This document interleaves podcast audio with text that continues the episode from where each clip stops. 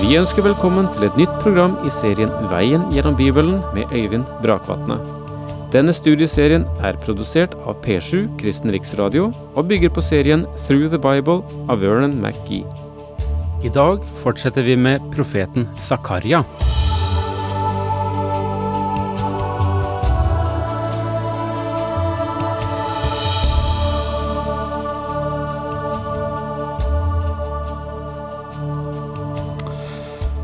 Efter at eh, profeten Zakaria har hatt ti syner, og har eh, fått de forklart av Herren, formidlet dette til folket, så kommer der et eh, historisk mellomspill i Zakaria-boken, som starter med kapittel syv. Og det er i dette kapitlet vi befinner oss. Da kommer der noen menn fra Betel i Nordriket og de har eh, noen spørsmål som angår forholdet mellom lære og liv. Mellom ritual og bønnhørelse. Eh, disse spørsmålene er livsviktige for dem. Fordi at, som de sier, vi har, vi har fastet, og vi har grått og vi har stått i, men det kommer ingen velsignelse av det. Det ser ikke ut til at Gud svarer. Men det burde han jo gjøre, for vi lærte allerede under fangenskapets tid at eh, når vi fastet og gråt og ba, så ville Herren høre.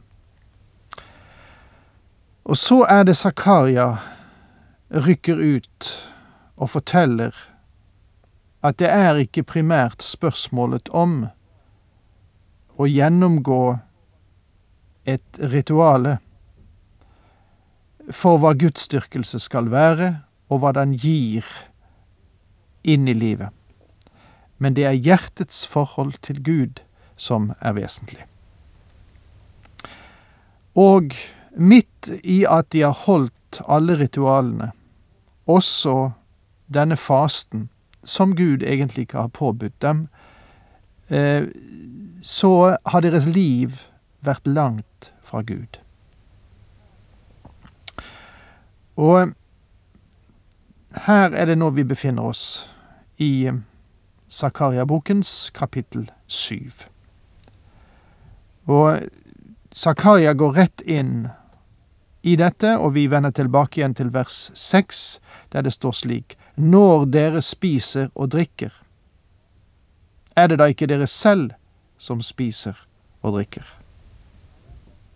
Gud sier, dere fastet ikke for meg, og når fasten var over, så skulle dere storme hjem og spise, men det at dere fikk spise, at dere hadde noe å sette på bordet, at dere fikk nyte det, um, Gjorde dere da det for meg?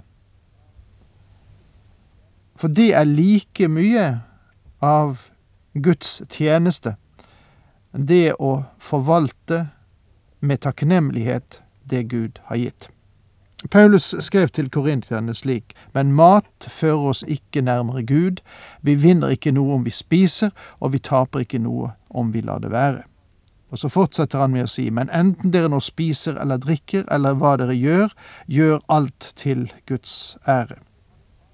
Første Korintiabrev kapittel ti. Om du kan faste til Guds ære, så må du faste da. Men om du gjør det av noen annen årsak enn dette høye motivet, så la det være. Vår kristne tro er ingen søndagsforestilling. Prøven på søndagens gudstjeneste er livet som leves de neste dagene. I siste del av dette kapitlet vil Gud tale direkte til Israel om deres handelspraksis, deres sosiale kontakter og deres fornøyelser. Det var dette som fortalte at de ikke levde sitt liv for Herren i hele tatt. Det er noe viktigere enn ritualet, som forteller om ritualet er rett eller ikke. Kjenner dere ikke de ordene som Herren forkynte gjennom de tidligere profeter, den gang da folket i Jerusalem og byene rundt omkring bodde i fred og ro, da Negev og Shefela var bebodd? Dette dreier seg om Sydlandet. Denne delen som strekker seg helt fra Beersheba og øst mot Hebron, og over mot kysten mot Ekron, og er som en eneste beitemark. Det er den det tales om her. Gud sier til folket her, dere gikk gjennom alle disse ritualene tidligere, da dere var i landet og var hente.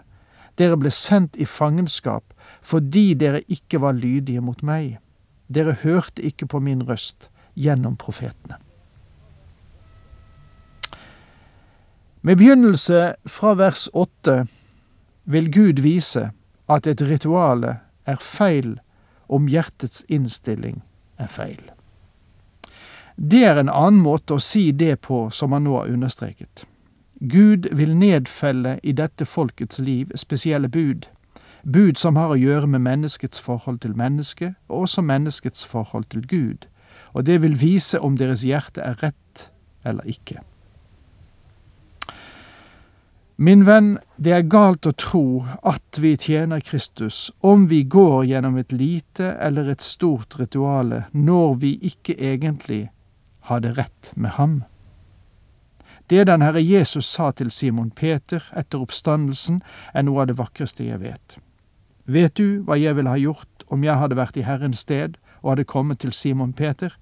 Jeg ville ha kjeftet ham huden full for at han fornektet meg. Jeg ville ha fortalt ham hva slags fyr jeg synes han var, men den Herre Jesus sa til ham, Simon, elsker du meg? Min venn, det er ikke det ritualet du gjennomfører, men holdningen i ditt hjerte som er viktig for ham.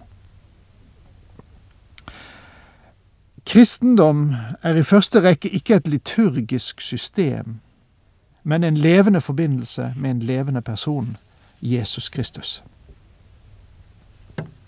Nå må jeg få si at jeg taler ikke for å rasere enhver liturgi eller seremoni, langt derifra. Jeg vet hva det betyr for mange mennesker, og jeg har selv fått erfart hva en trygg ramme kan bety rundt et gudsliv. Og jeg er også fullstendig klar over at mange steder der de påstår at de ikke har noen ritualer, så har deres frihet løpt inn i en form som er like steril som et ritual kan være det. Nei, mitt poeng er at i dag finnes det en del kirkelighet som er blodløs, smakløs og fargeløs. Det er verken varme eller følelse. Her er ikke noe personlig forhold til Kristus som er skapende og meningsfylt. Om det ikke er en dyp lengsel etter et liv som behager ham, om det ikke er et stimulerende begjær etter å kjenne ham og hans ord, så er et kirkemedlemskap eller et organisasjonsmedlemskap som å bli forelsket i en kald ovn. Det er ikke mye gagn i den. Det er ikke lenger tid til å leke kirke, men å elske Kristus og leve for ham. Før fangenskapet dømte Gud Jerusalem der folkets hjerte var langt borte fra ham, selv om de gikk gjennom alle tempelets ritualer. I vers syv sa Gud til dem, skulle dere ikke høre de ordene som Herren har ropt til dere gjennom de tidligere profetene, da Jerusalem var befolket og velstående og likeledes byene rundt den, der folket bodde i syd og over de store sletter. Faktisk, sa han, dere gikk gjennom ritualene før fangenskapet, og jeg drev dere i fangenskap. Hvorfor? Ritualene hadde ikke noe å gjøre med det. Det var fordi hjertet ikke var rett innstilt, og det er hjertets innstilling som er viktig. I siste del av dette kapitlet understreker Gud spesielt de ting folket drev med som virket fremmedgjørende i forhold til ham. Han vil nå ta opp den del av de ti bud som har å gjøre med menneskets forhold til medmennesket. Den foregående del av kapitlet har å gjøre med menneskets forhold til Gud. Når hjertet ikke er rett innstilt til Gud, blir ritualene feil. I denne delen blir ritualene feil når hjertet er galt. Ved å føre disse budene rett inn i deres livsforhold vil Gud spesielt avsløre det de gjorde feil. Om vi kunne se oss selv som Gud ser oss, ville det vært vanskelig å utholde oss selv. Tror jeg. Bare Gud ville ha maktet det, og det er bare Gud som dypest sett makter det. Om vi bare ville komme til Guds ord og hvile i Guds ord. Gud kommer til å gå dem inn på klingen og føre alle disse budene rett inn i deres egne livsforhold. Og det trenger vel vi også. Jeg ønsker ikke å tråkke deg på tærne, men jeg forsøker å fortelle deg hva Guds ord sier. Ikke alle liker å høre det Guds ord sier, spesielt ikke når det blir praktisk og rett inn i deres livsvirkelighet. Om vi som predikanter og andre som er ansatt og engasjert som ledere i menigheter og organisasjoner, ville lese pastoralbrevene, nemlig første og annet Timotius brev og Titus brev, for å se hva Gud krever for å være en leder i menigheten, og så følge dette, så skulle vi sannelig fått en bots- og bededag av dimensjoner. Det er ikke å undre seg på at menighetene har de problemer de har. Selv ledere kan jo fremdeles åndelig sett være på barnestadiet og klynker og klager fordi de ikke får oppmerksomhet, og tror at de blir åndelig visere fordi de blir eldre. Ingen, mine venner, ingen blir automatisk åndelig vis fordi om de blir gamle. Visdommen følger ved å ransake Guds ord, gi dette ordet rett og bøye seg for Guds vilje og følge den. Det er mange av oss som villig slår oss til ro med det gode i livet, når Gud ønsker at vi skal ha det beste. Å, mine venner, om vi ville legge vårt liv helt og fullt under Guds ordets skarpe lys. Herrens ord kom til Zakaria, og det lød så. Zakaria driver ikke bare med å forkynne sine meninger, han sier til folket det er dette Gud vil si, og dette er Guds svar til dere. Ritualet blir feil om hjertet er feil. Ja, så langt uh, denne profeten for denne gangen, men dette historiske mellomspillet i Zakaria og disse konkrete spørsmålene som folket fra Betel tok opp, vil vi se videre på når vi møtes neste gang. Takk for nå. Herren med deg.